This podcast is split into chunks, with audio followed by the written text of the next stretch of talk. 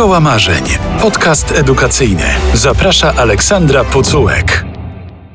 Dzień dobry, zaczynamy drugi odcinek Szkoły Marzeń, czyli podcastu, w którym staramy się sobie wyobrażać, jakby mogły wyglądać przedmioty szkolne, ale też przerwy, praca świetlicy w wymarzonej szkole.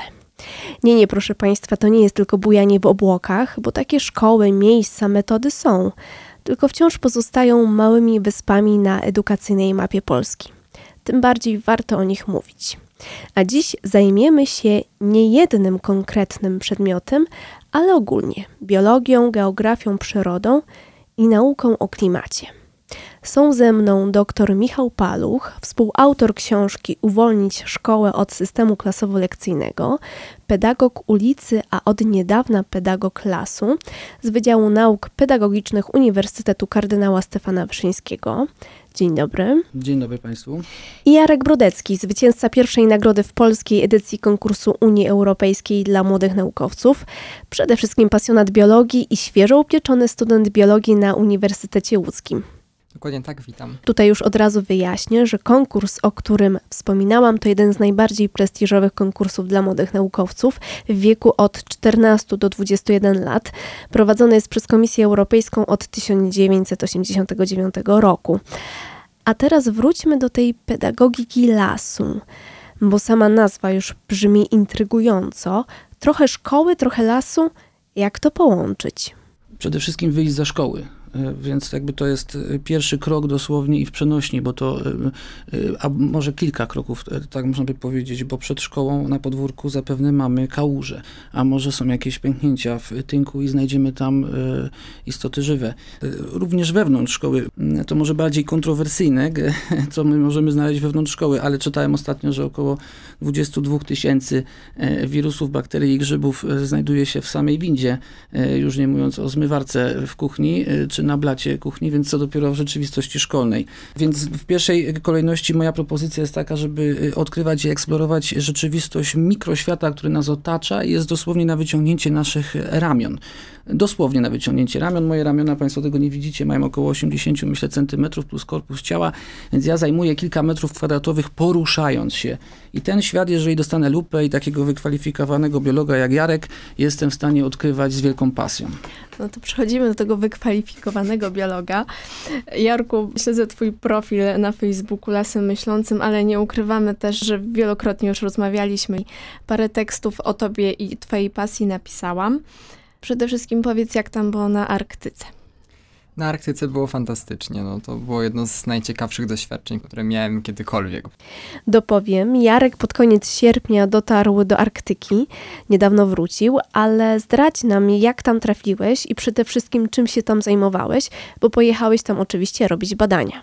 Zostałem laureatem konkursu organizowany przez Instytut Geofizyki Polskiej Akademii Nauk, który dał mi tą możliwość i otworzył te drzwi do tego niezwykłego miejsca, jakim jest polski dom na Spitsbergenie i miałem olbrzymią przyjemność udać się na kilkanaście dni do polskiej stacji polarnej Horsund, no i tam mój biologiczny rozum po prostu dostawał istnego szału, bo i niedźwiedzie polarne, i alczyki, i kilkadziesiąt innych różnych ciekawych gatunków, o których czyta się po prostu czasami godzinami. I wcześniej miałem taką niepraktyczną możliwość doświadczenia tych gatunków, a teraz miałem możliwość skonfrontowania wiedzy, którą w jakiś sposób posiadłem z tą praktyką, z możliwością obserwacji i to po prostu wyzwala niesamowite endorfiny u człowieka, który jest po prostu tym zainteresowany i pochłonięty. Oprócz tego, że miałem możliwość obserwowania tego no, niezwykłego środowiska, to prowadziłem badania naukowe, pobierałem próby, które będą miały na celu finalnie, jeżeli wszystko się uda, odnalezienie mikroorganizmów, które są zdolne do rozkładu tworzyw sztucznych w niskich temperaturach.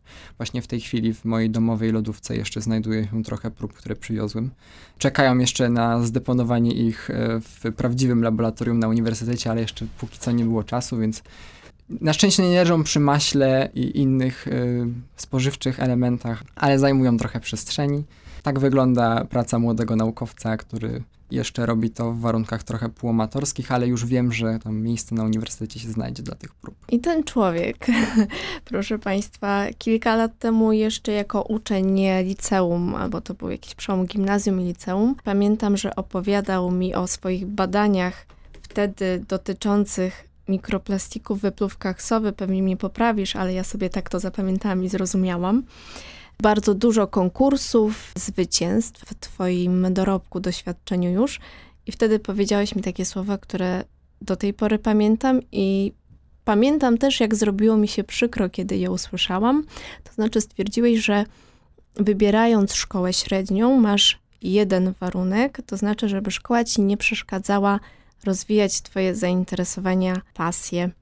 Tak było, muszę przyznać, że faktycznie kończąc gimnazjum, kiedy już współpracowałem z Uniwersytetem Łódzkim, prowadząc już pierwszy projekt, to właśnie jakby głównym wyznacznikiem było dla mnie to, żebym miał czas robić to, co kocham, czyli no, prowadzić badania, móc chodzić w teren, a nie siedzieć tylko w książkach, po prostu twardo uczyć się jakichś rzeczy, które są mało dla mnie frapujące i próbować nauczyć się, który król polski był po którym, co zrobił i takich elementów, które dla mojej przyszłej kariery naukowej są mało wartościowe. To i tak dobrze, że już skończyłeś szkołę, bo e, historii będzie teraz coraz więcej. Coraz więcej niestety. To i tak masz E, szczęście. Mam szczęście, ale e, no, z perspektywy czasu wiem, że to liceum, które wybrałem, pomimo tego, że jest to bardzo dobre liceum, bo uczyłem się w liceum Politechniki Łódzkiej, no dało mi te możliwości. W sensie to też kwestia tego, myślę, co jest bardzo ważne w tym procesie kształcenia, to jest nauczyciel który jest otwarty na ucznia, bo jeżeli zamyka się w samym twardym programie, to mało jest w stanie ten uczeń też jego jakby robić coś poza. I czasami się zdarza tak, że jeżeli jeden nauczyciel dostrzega, że ktoś jest dobry z biologii, to ten nauczyciel na przykład historii chce, żeby on też robił dobrze historię i chce takiego ucznia się próbuje spiłować tak, żeby był dobry ze wszystkiego, a jak ktoś jest dobry ze wszystkiego, to często gdzieś ta pasja się urywa i zaczynają się jakieś problemy. Często też takie psychologiczne po prostu, że ktoś nie jest w stanie wytrzymać presji, które szkoła na niego daje. Bardzo dojrzałe refleksje Jarka. Jako pedagog potwierdzam tu wiele Twoich intuicji. Z jedną drobną uwagą, mianowicie las nas uczy historii. Sadzimy las, ale on dojrzeje y, często już y, może wtedy, kiedy będziemy posiadali wnuki lub nas nie będzie, prawda? To ta uwaga do historii, gdzieś tutaj ta historia się pojawiła może w takim... System- Mignęła, tak. mignęła, prawda? Mignęła, bo myślę, że e, historia w polskim systemie edukacji nie do końca dąży do refleksji nad tym, co się wydarzyło, a bardziej nad tym, żeby po prostu wiedzieć, co się wydarzyło bez jego analizy. Więc wydaje mi się, że jeżeli faktycznie inaczej byśmy podeszli do nauczenia historii, to też to byłoby to zupełnie inne, kiedy byśmy mogli wyciągać wnioski z tego, co się wydarzyło, a nie wiedzieć, że coś wydarzyło się w tym konkretnym momencie w czasie. Słuchasz podcastu Radia Z. Historii uczniom nie brakuje i wydaje się, że nie będzie jej brakować przez najbliższe lata, ale wróćmy do biologii i przyrody. Jak, Jarku, wyglądały Twoje lekcje biologii w liceum, w gimnazjum, bo Ty jeszcze do gimnazjum chodziłeś? Pokażmy te dobre wzorce, bo pasji w Tobie nie zabito. ja trafiłem dość wcześnie do takiego programu, do programu Krajowego Funduszu na Rzecz Dzieci, dla osób, które mają pasję. I to mi dało wstęp do najlepszych placówek naukowych w Polsce, ale przede wszystkim do tego, żeby poznać więcej osób podobnych do mnie, z podobnymi zainteresowaniami. A to, co udało mi się w tej tradycyjnej szkole, bo no, to jest jakby już, już pozaedukacyjny system, w sensie no, nie jest to w strukturach szkoły, to, co już moje gimnazjum, w którym byłem, dało, to mi dało wolność. W sensie miałem dużą możliwość robienia jakby własnych projektów. I tutaj zawsze myślę, że warto wspomnieć historię mojej mamy, która w, przyszła ze zdziwieniem, kiedy ja z. Zaraz wrócimy do historii, teraz mi się przypomniało, że wróciłem ze szkoły do domu z takim gigantycznym modelem robota, który projektowałem w tamtym momencie. On był zbudowany z papieru, był generalnie w skali 1 do 1. I mama spytała, ale kiedy to zrobiłeś? A ja powiedziałem na historii. I właśnie to, że nauczyciel zobaczy, że uczeń jest w stanie robić coś i jednocześnie słuchać i się angażować, bo ja z tamtej lekcji wyszedłem z jakąś gwiazdką za aktywność, może dostosować się do tego, że uczeń chce jeszcze robić coś innego i że w ten sposób jest w stanie się też skupić, bo ja właśnie przez jakieś takie działanie manualne jestem w stanie się lepiej skupić. To jest właśnie to i myślę, że to jest najważniejsze, żeby po prostu nauczyciele byli wrażliwi na potrzeby uczniów i ich obserwowali. I to też, co jeszcze dało mi moje gimnazjum, to też, że miałem możliwość y, kół zainteresowań i też, że ja sam miałem możliwość prowadzenia takich zajęć, bo już wtedy prowadziłem takie zajęcia dla y, dużo młodszych ode mnie osób, bo ze szkoły podstawowej prowadziłem dla nich kółka mikroskopowe i to też jest super jakby narzędzie do tego, żeby rozwijać własną pasję, czyli próbować ją sprzedawać dalej, bo to człowieka bardzo nakręca. Czyli wolność, nie wrzucanie w schemat. To chyba te podstawowe hasła. I usłyszeliśmy doświadczenia z liceum, gimnazjum.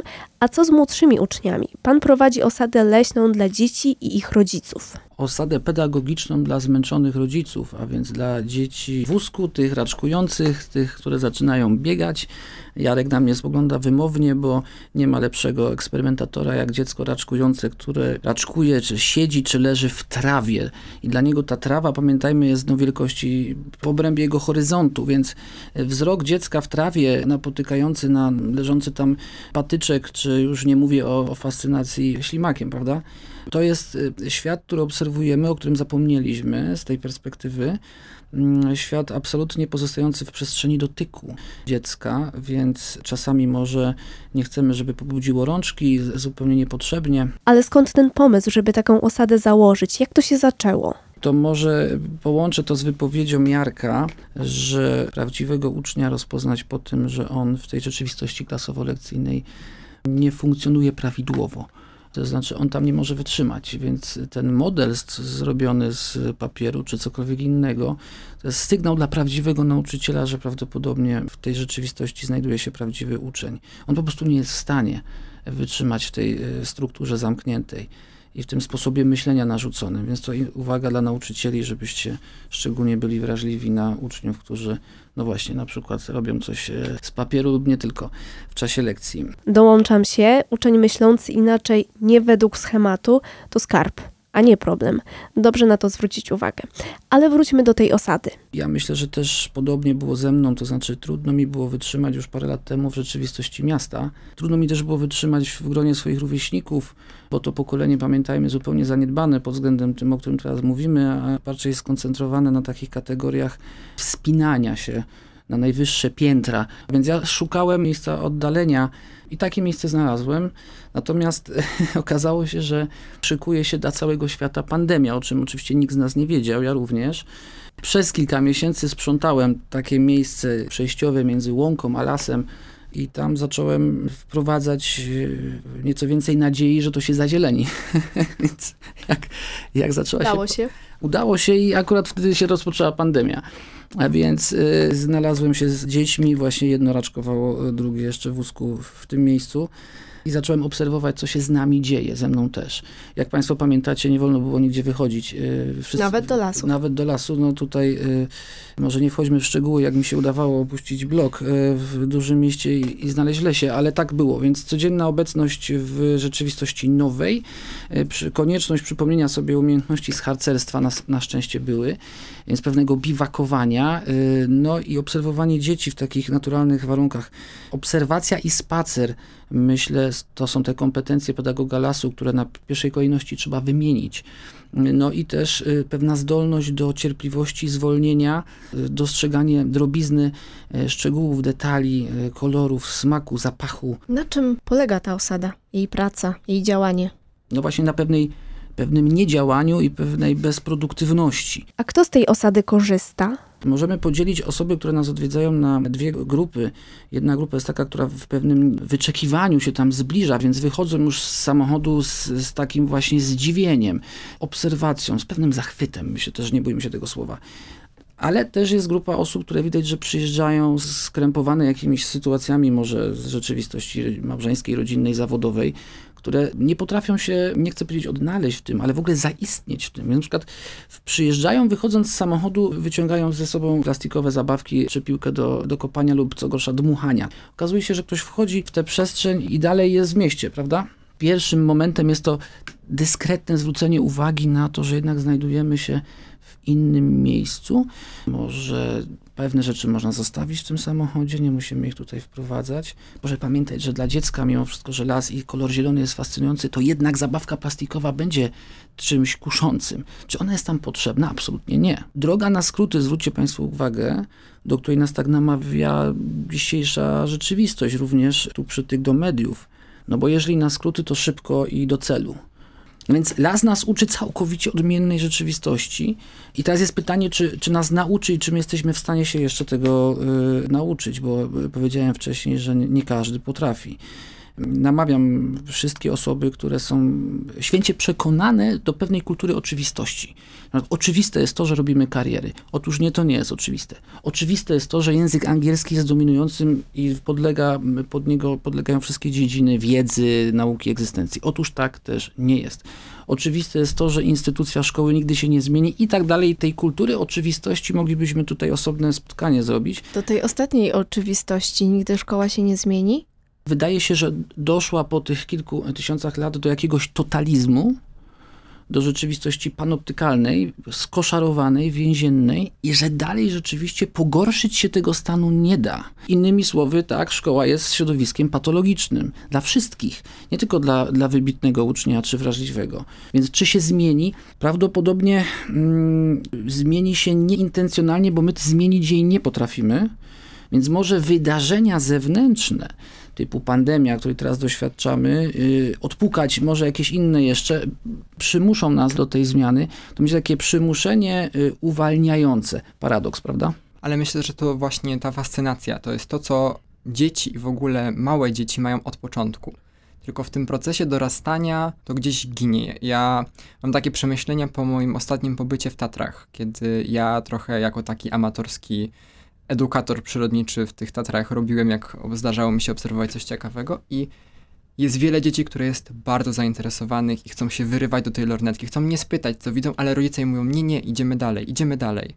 I to jest właśnie kwestia tej postawy. Mamy taki, mam wrażenie, w dzisiejszych czasach taki bardzo atak na cel. I tutaj właśnie widać na tym tatrzańskim szlaku, że my nie cieszymy się wędrówką przez ten szlak, tylko cieszymy się zejściem z tego szlaku. Powiedziałeś, że myślimy kategoriami celu. To się nazywa w nauce umysł y, instrumentalny, który widział tylko cel i środki jego realizacji. Nie dostrzegał lub nie był wrażliwy, czyli patrz, nie uwrażliwiano nas w szkole między innymi na poczucie sensu tego, co robię. Y, nie, zawsze sens i cel ze sobą y, występują, prawda? To w kontekście też tej obserwacji przyrody i wszystkiego, to jest to, żeby ten proces, w który wchodzi dziecko, czyli proces edukacji, który jakby jest niezbędnym procesem, ale my możemy go w różny sposób modelować, to jest proces, w którym my mu nie zabijamy czegoś, z czym wchodzi, tylko staramy się z tym pracować. A aktualnie mam wrażenie, że jest tak, że system edukacji trochę zabija pytania, zabija wątpliwości, zabija też naturalną porażkę, bo jakby porażka i popełnianie błędów jest, no jest czymś, co no tylko dzięki temu się rozwijamy, dzięki temu, że popełniliśmy, zrobiliśmy coś źle, dowiedzieliśmy się, że zrobiliśmy coś źle i możemy jakby coś z tego wyciągnąć. Pozwólmy dzieciom popełniać ich tak, błędy. Dokładnie. Dorosłym też w jakimś sensie. Dorosłym też, ale przede wszystkim dzieciom. Słuchasz podcastu Radia Z. Prowadziłeś internetowe koło przyrodnicze czego chcieli się dowiedzieć uczniowie, bo pewnie przez to, że była między tobą a nimi mniejsza różnica wieku, to były bardziej bezpośrednie w swoich ocenach, nie bały się mówić, komentować. To gwałtownie na mnie spadło w pandemię. Też taka propozycja wyszła właśnie w pandemię, żeby trochę pokazać tej przyrody blisko nas. Bo jednak prowadzenie warsztatów przyrodniczych przez internet jest pewnym wyzwaniem, ale to, co ja zawsze starałem się robić w czasie tych warsztatów, to trochę wskazywać tym super młodym osobom, co mają dookoła siebie i jak mogą to dookoła siebie zgłębiać samodzielnie, więc uczyliśmy się jakichś podstawowych gatunków ptaków, które mogą w okolicach siebie zobaczyć, opowiadałem im, co ciekawego się dzieje teraz w przyrodzie, żeby sami mogli podczas tego sobotniego czy niedzielnego spaceru po prostu wyjść i sami doświadczyć tej przyrody, dlatego, że no oczywiście są to wielokrotnie osoby młode, które jakby no, żyją w centrach miast, ale przestrzeń miejska jest ultra ciekawa i w niej możemy zobaczyć naprawdę niesamowite sceny, możemy zobaczyć y, łasicę białą, która biegnie przez środek ulicy i próbują ją sroki dopaść, to ja właśnie taką miałem historię, kiedy wracałem w tłusty czwartek z pączkiem.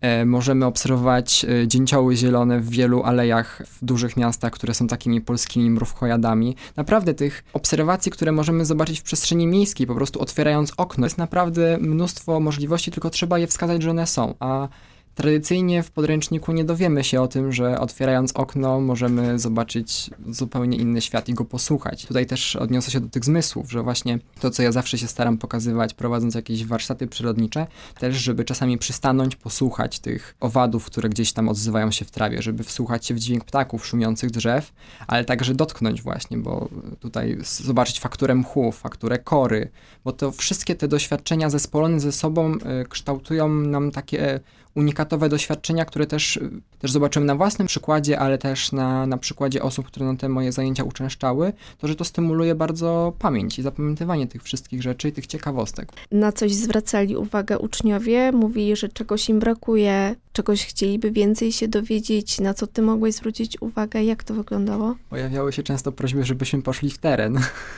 żeby jakby praktycznie tego doświadczyć. No oczywiście przez to, że ta pandemia jednak szalała, no to było to niemożliwe.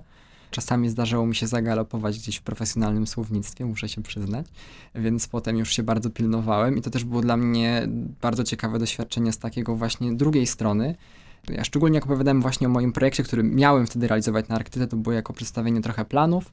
No i ja właśnie mówię o enzymach i wtedy sobie orientuję, że właśnie mówię do czwartej klasy. Oni nie znają słowa białko, nie znają słowa enzym, więc zaczynam myśleć, już mówię o nożyczkach. I szukam innych połączeń, innego słownictwa i innych narzędzi, żeby przedstawić to samo, ale w sposób przystępny, więc to też z punktu widzenia mnie było bardzo ciekawe doświadczenie. Chciałbym zwrócić uwagę na pedagogikę lasu, czy pedagogię lasu jej zastosowanie jednak poza lasem, bo nie każdy może pójść na spacer. Tu biorę w objęcia z szczególną troską osoby niepełnosprawne, ale i więźniów, czy osoby nieletnie, które są w jakichś ośrodkach wychowawczych zamkniętych. Oczywiście nigdy nie zastąpimy tego spaceru, ale są obrazy i są wiersze, których y, prawdziwe czytanie, czyli powolne, kontemplacyjne, pobudzi tę zmysłowość jest taki e, obraz, chociażby przykład, tak, e, Mechofera, Dziwny Ogród. Możemy go analizować z różnych punktów widzenia na różnych lekcjach, od e, chemii i fizyki przez język polski, historię, myślę nawet religię. Możemy również, do tego serdecznie zachęcam, położyć słoik i możemy tam grudkę ziemi wsypać z jakiegokolwiek miejsca nam się to podoba, nawet sprzed bloku i, i położyć ten słoik y, na balkonie czy w miejscu częściowo osłonecznionym, częściowo dającym jakieś szanse na y, wilgoć żeby już w, na przestrzeni kwietnia i maja obserwować w tymże y, małym słoiku na balkonie rodzące się życie. Na pewno byłoby trzeba użyć lupy, bo z użyciem lupy to byśmy zobaczyli dopiero w tej ziemi. To wow. jest to też zawsze, co ja powtarzam na w zasadzie wszystkich moich zajęciach właśnie, że podstawowym narzędziem jest lupa jako podstawowe narzędzie optyczne i pozwala nam zupełnie zagłębić się, więc to, od czego zazwyczaj zaczynam moje zajęcia, to właśnie od jak obsługiwać lupę i to nam pozwala właśnie zobaczyć to, czego normalnie nie jesteśmy w stanie zobaczyć, bo lupa też pobudza nasze skupienie. To ja używam takiej metafory, doskonale uzupełniając się teraz z wypowiedzią Jarka, człowieka z lampką oliwną zwróćmy uwagę, lupa, która wymaga pochylenia i lampka oliwna, która również wymaga no, pewnej czułości, delikatności z jej obchodzeniem się oczywiście, prawda? I też pochylenia się z tą lampką oliwną nad przedmiotem naszego zainteresowania. E, jak widać, potrafimy o tym samym rozmawiać w różnym e, języku. Może nie zdajemy sobie z tego sprawy, że ta rzeczywistość szkolna zawiera w sobie jeszcze jeden e, fenomen językowy, a mianowicie powtarzany przez uczniów przez kilkanaście lat na zawołanie nauczyciela jestem lub obecny. Przypomnijcie sobie Państwo, ktoś, nauczyciel sprawdza obecność, czasami jeszcze ordynarnie poprzez numer kogoś wzywa, więc ta rzeczywistość panoptykalna, więzienna tutaj ma kolejne uzupełnienie, bo nie pojawia się imię i nazwisko, tylko numer, przyznajmy straszne. I teraz odpowiada ten uczeń kategorią e, filozoficzną. Jestem. Zapiszmy to jestem i obecny dużymi literami Przypomnijmy sobie ten moment, kiedy to wypowiadamy i wypowiedzmy to szeptem, będąc w lesie. Zobaczycie Państwo, jakie to zrobi na Was samych wrażenie. Słuchasz podcastu Radia Z. Pretekstem tych naszych rozmów o tej szkole marzeń jest pandemia i to, co się stało z, ze szkołą w ciągu ostatnich miesięcy. Rozmawiając z uczniami w czerwcu, zobaczyłam, jacy oni są zadowoleni i szczęśliwi kiedy opowiadali, że w ramach biologii, w ramach geografii wychodzili z tego systemu więziennego do parku, na łąkę, do lasu. Podstawa programowa była realizowana, do dziennika ten temat został wpisany, ale jednocześnie nie siedzieli w tych ławkach, nie siedzieli w tej szkole przed tablicą, spisując notatki zdanie po zdaniu, które dyktował nauczyciel. Jest szansa mimo wszystko, żeby to doświadczenie z nami zostało i żeby ta biologia, przyroda troszkę inaczej wyglądała? byłem świadkiem takich zajęć a propos języka. Proszę zwrócić uwagę teraz na niuans.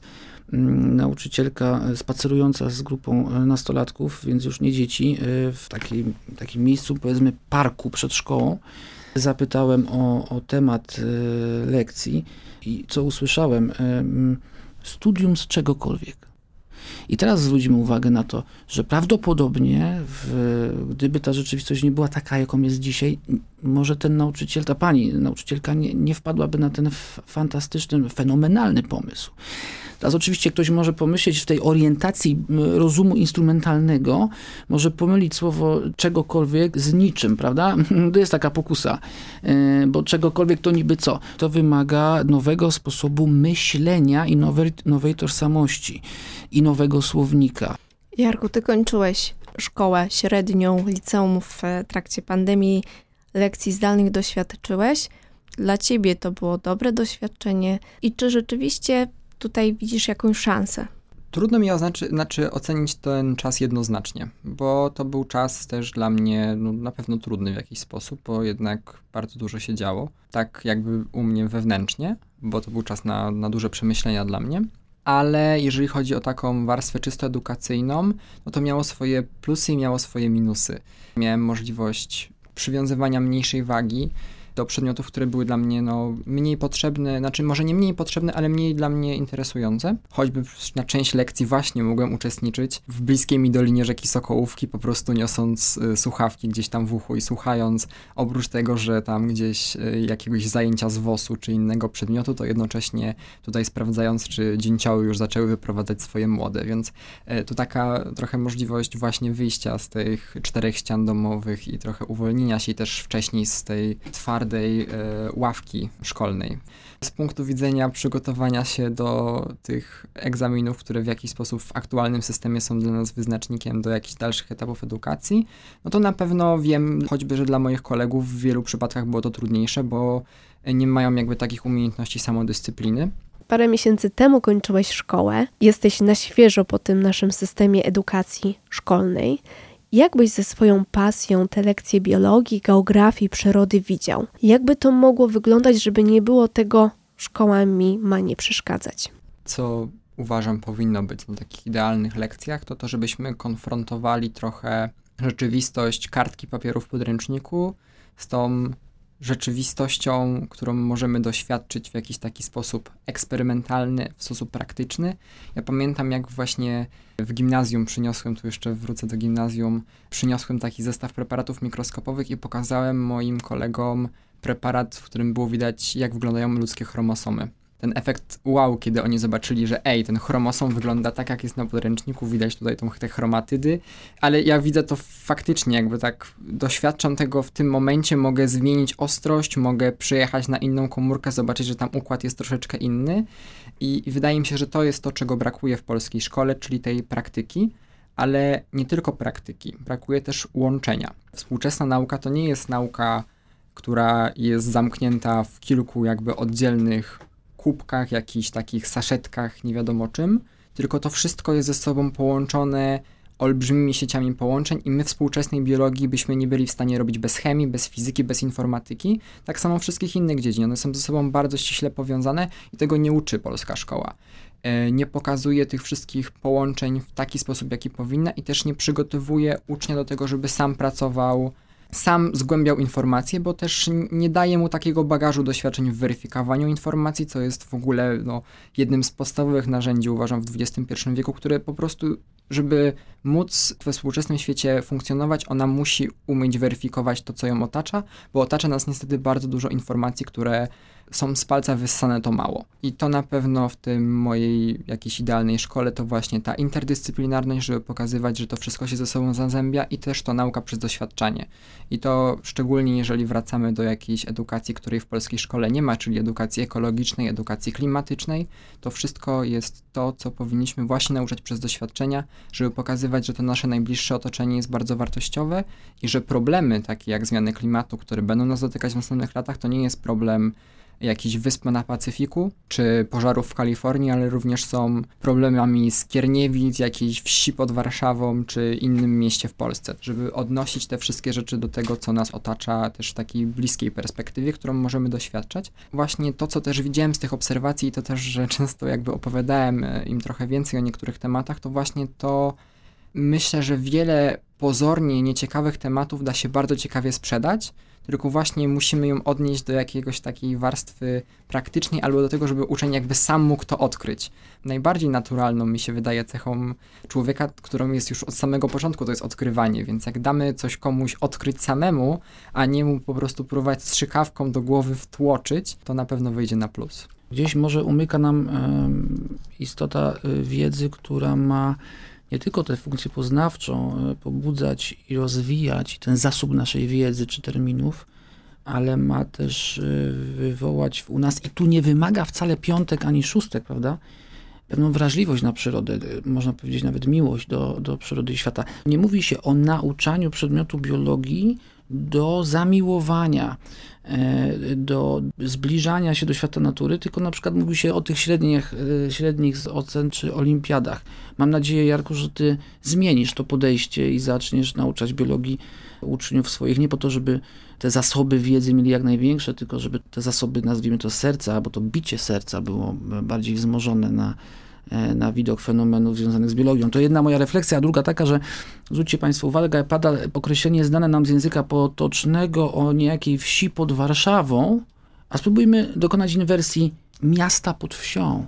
Taka głęboka e, transformacja myślenia i zmiana perspektywy, właśnie nie, wieś jest pod Warszawą, tylko miasta pod wsią. To, tu doceńmy też trochę, bo jak rozmawiamy o lesie i mieście, to po drodze jest właśnie wieś. To znaczy zawsze będzie jakaś wieś i ta wieś będzie miała swój początek i swój koniec i swoją drogę i swoich mieszkańców i ich bywalców. Przeskakujemy z, ze studia Radia Z do lasu. Tak jakbyśmy trochę zapomnieli, że zostawimy ślad węglowy po drodze, yy, też nam to umknęło i że my po drodze... Chyba, będziemy, że pójdziemy na pieszo. Chyba, że pójdziemy na pieszo, to tym bardziej napotkamy na wieś. Doceńmy to. Te momenty przejścia człowieka z miasta do lasu, nie róbcie tego Państwo, tego błędu pewności siebie i pychy. Przystańmy na wsi, poznajmy tę wieś, ale w tej perspektywie, że ta wieś jest nad tym miastem, a nie odwrotnie. I to jest lekcja pokory, którą na, nas też uczy pedagog lasu i las sam w sobie jako pedagog. To ja na koniec będę trochę brutalna i z tej metafizyki trochę zejdę. Miałam już o to nie pytać, ale tutaj się pojawiła ta kwestia, więc dopytam. Bo minister edukacji i nauki i minister klimatu i środowiska podpisali list intencyjny o współpracy na rzecz edukacji ekologicznej i klimatycznej. Taka nauka w 2023 roku wejdzie do szkół nie wiadomo w jakim kształcie, czy to będzie osobny przedmiot, czy to będzie w formie elementów na jakichś innych godzinach lekcyjnych. Więc póki jest jeszcze czas i nie ma konkretnej formy, to podpowiedzmy, jakby to mogło wyglądać i jakie elementy najlepiej mogłyby się tam znaleźć, żeby było dobrze dla uczniów i żeby było dobrze dla naszej wiedzy i dla naszego świata. Przyznaję, że też dużo nad tym tematem pracowałem, ponieważ Została stworzona taka inicjatywa, która nazywa się Klimatyczny Dialog Młodzieżowy, która angażuje w swoje działania kilka różnych podmiotów, m.in. Młodzieżową Radę Ekologiczną, PROM, Młodzieżowy Strajk Klimatyczny i Radę Dzieci i Młodzieży przy, przy Ministerstwie Edukacji i Nauki. W ramach tych struktur było bardzo dużo dyskusji na ten temat przez to, że problem kryzysu klimatycznego i kryzysu ekologicznego, bo nie możemy tutaj zapominać o kryzysie ekologicznym w tym kontekście, to jest tak szeroki temat, że powinniśmy właśnie tym duchem interdyscyplinarności pokazywać, że on dotyka wielu przestrzeni. Te wątki klimatyczne, ekologiczne powinniśmy wprowadzić do wielu przedmiotów, które w tej chwili jest, dlatego że jest to bardzo złożony problem. I bez takich cegieł wiedzy nie będziemy w stanie jakby zrozumieć tego, jak to działa. Ale na pewno to, co jest ważne, to właśnie to, do czego odnosimy się cały, cały czas w czasie tej rozmowy, czyli do takiego właśnie doświadczenia, o czym już też trochę wspomniałem w tej mojej wcześniejszej wypowiedzi, do tego, żeby zrozumieć, że jest to problem dla nas bardzo nieodległy, że on jest problemem dla nas bardzo bliskim i pokazać to w kontekście praktycznym, czyli w kontekście tego, że nie wiem, w jakimś rezerwacie koło nas albo użytku ekologicznym zaczyna dochodzić do obniżenia się stosunków wodnych, dochodzi do wysychania, przez to zaczynają zanikać jakieś gatunki. To wszystko jest wynik kryzysu klimatycznego, który już stąpa, który za sobą ciągnie kryzys ekologiczny, a potem to będą kryzysy humanitarne, o których już w tej chwili rozmawiamy i nareszcie zaczyna się o tym mówić. I ja mam takie wyobrażenie tej edukacji ekologicznej i klimatycznej w polskich szkołach, że to będzie edukacja, która jest maksymalnie szeroka, żeby wskazać, jak bardzo ten problem jest złożony, ale to też jest bardzo ważne, żebyśmy y, znaleźli miejsca, w których takich rzeczy możemy też uczyć. Na przykład jest wielkim problemem w Polsce to, że nie posiadamy prawdziwego Muzeum Historii Naturalnej z prawdziwego zdarzenia.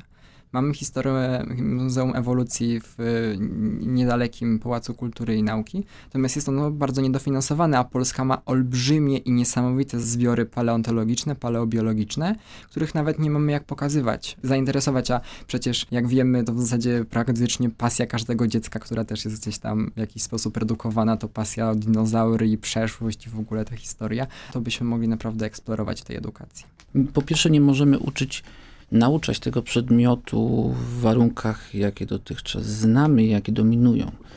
E, dlaczego? Dlatego, że skończy się to tym, że drodzy Państwo, nauczyciele będą wyprowadzać swoich uczniów za rączki trzymanych, trzymających się w rzędach przechadzać się po wytartych ścieżkach w lesie. Może z jakimiś pomocami dydaktycznymi e, typu tablice informacyjne czy ścieżki dydaktyczne, które znamy dzięki aktywności polskich lasów. Coraz więcej takich ścieżek jest, ale przecież nie o to chodzi. Nie chodzi o przeniesienie szkoły do lasu. Tutaj uwrażliwiam, szczególnie po, po takim eksperymencie, jaki przeprowadziłem na uniwersytecie, czyli prowadzenia przez ten rok pandemii warsztatu z pedagogiki lasu. No, były sytuacje dające do myślenia, kiedy kształcąc przyszłych nauczycieli, prosząc ich o stworzenie takiego scenariusza e, spotkania młodego człowieka z przyrodą, czytałem w niektórych pracach, że warto by było uczniów ustawić w dwóch szeregu i odczytać im zasady bezpieczeństwa. Następnie czytam o pomocach naukowych, które, pomocach dydaktycznych, które ten nauczyciel zabrałby ze sobą do lasu, na przykład zdjęcia brzozy e, czy dębu. Są to momenty dające do myślenia o tyle, że co się z nami stało i co się dzieje, że ta szkoła, ten tradycyjny model, również akademicki, bo o tym za mało było, a ten akademicki jest również szkolny w tym tradycyjnym znaczeniu, że nawet nauczyciel, który chciałby zabrać tą e, klasę na wycieczkę, on, on ich zabierze na taką wycieczkę, jakby ich zabrał po mieście. To jest, to jest dramat, trzeba przyznać, bo przecież to powinno być spotkanie tych młodych ludzi. Tu przypomina się doświadczenie, o którym mówił Jarek, w jakiejś atmosferze własnego wyboru ścieżki, profesor Tadeusz Sławek to mówił, że to las nas prowadzi swoimi ścieżkami. No i teraz jak to skonfrontować z konspektem lekcji, w którym mielibyśmy wszystko zaplanować, zorganizować i e, co do minuty jeszcze e, pilnować tego, żeby się zmieścić w ramach czasowych, prawda? I bardzo dobrze, że jest takie porozumienie międzyministerialne i bardzo dobrze, że, y, że plany takiego przedmiotu y, mają wejść w życie i bardzo dobrze, że wydarzy się to może nie od razu, tylko za jakiś czas, kiedy dojrzejemy i będziemy mądrzejsi o te pewne refleksje i nawet takie spotkania dzisiejsze, prawda? Dlaczego bardzo dobrze? Bo ta pedagogika lasu, czy sam duch lasu, on nas uczy i to uczy, trzeba przyznać, bardzo właśnie doświadczalnie, że my musimy nie tyle się zmienić, to już wiemy, prawda? Już pandemia nam to wyjaśniła, że musimy się zmienić, co dostosować również instytucje, z których korzystamy, e, szczególnie edukacyjne, do tej zmiany już w zakresie e, dbania o klimat, w zakresie myślenia lokalnego i globalnego. Więc może ten czas teraz do wprowadzenia tych e, planów będzie czasem pobudzonych dyskusji akademickich, nie tylko wśród pedagogów, ale właśnie biologów, przyrodników, ekologów, leśników, ale również polonistów, chemików i fizyków i metodyków, bo może właśnie dzięki temu, że las staje się nam tak bliski, to zmienimy strukturę i funkcję współczesnej szkoły. Jeszcze tutaj do tego przypadku, który był wspomniany z tymi zasadami, to ja bym tu się odniósł, że zasady czasami są spoko. W sensie to, co też wielokrotnie się przywijało i ja często o tym rozmawiam, również z dziećmi, którymi, z którymi prowadzę zajęcia, to, że te zasady trzeba też wpajać, ale nie zasady koniecznie bezpieczeństwa, tego, jak w tej przyrodzie do niej podchodzić, też jak w niej działać, żeby jej nie szkodzić. I tutaj jest punkt, że te zasady możemy przedstawiać, ale w kontekście szacunku, w sensie umiejscawiać te zasady w takim kontekście również praktycznym, czyli pokazywać, dlaczego te zasady istnieją. Bo w tej chwili właśnie odwołam się jeszcze do wycieczki po Tatrach, gdzie widzę mnóstwo osób, które na terenie Parku Narodowego pali papierosy, co jest niedozwolone. Na pewno nie dzieci, prawda? Nie dzieci, ale jakby dorośli, ale to wszystko wynika z procesu edukacyjnego. To, że w którymś momencie na, na drodze procesu edukacyjnego to się nie pojawiło. A dzieci to jest inny temat, no bo tu jest schodzenie ze szlaków i inne takie problemy. Wiemy, że tego nie można, ale nie wiemy, dlaczego tego nie można. I jeżeli byśmy te zasady w jakiś sposób wpajali już u małych dzieci, ale ze zrozumieniem przez te dzieci, dlaczego te zasady istnieją, to jesteśmy w stanie jakby wychować społeczeństwo, które jest też na tą przyrodę wrażliwsze, też w tym kontekście dbania o nią, choćby z punktu widzenia przepisów ochrony środowiska. To, o czym ja za każdym razem na swoich zajęciach wspominam, to na przykład, że wszystkie gady i płazy są w Polsce chronione, więc nie można się nimi bawić albo inne takie rzeczy, tymi żabkami małymi, które skaczą, tak? To są takie, takie proste rzeczy, ale o tym również w takim kontekście czasami jednak te zasady można wprowadzić, tylko trzeba to zrobić po prostu umiejętnie inaczej. Mamy naprawdę cenną lekcję za sobą, aż chciałoby się wyjście na spacer i taką samowolną lekcję przyrody sobie zorganizować, do czego zachęcam nawet w trakcie słuchania tego podcastu, bo materia dźwiękowa ma to do siebie, że można jednocześnie słuchać, spacerować, uczyć się przyrody, a potem można uczyć i inspirować młodzież i dzieci. Dziękuję za dzisiejszą rozmowę. A ze Szkołą Marzeń i kolejnym szukaniem pomysłów na polską edukację wracamy za miesiąc. Więcej naszych podcastów można znaleźć na stronach player radioz.pl i Spotify. Do usłyszenia. Szkoła Marzeń. Podcast edukacyjny. Więcej podcastów na player radioz.pl.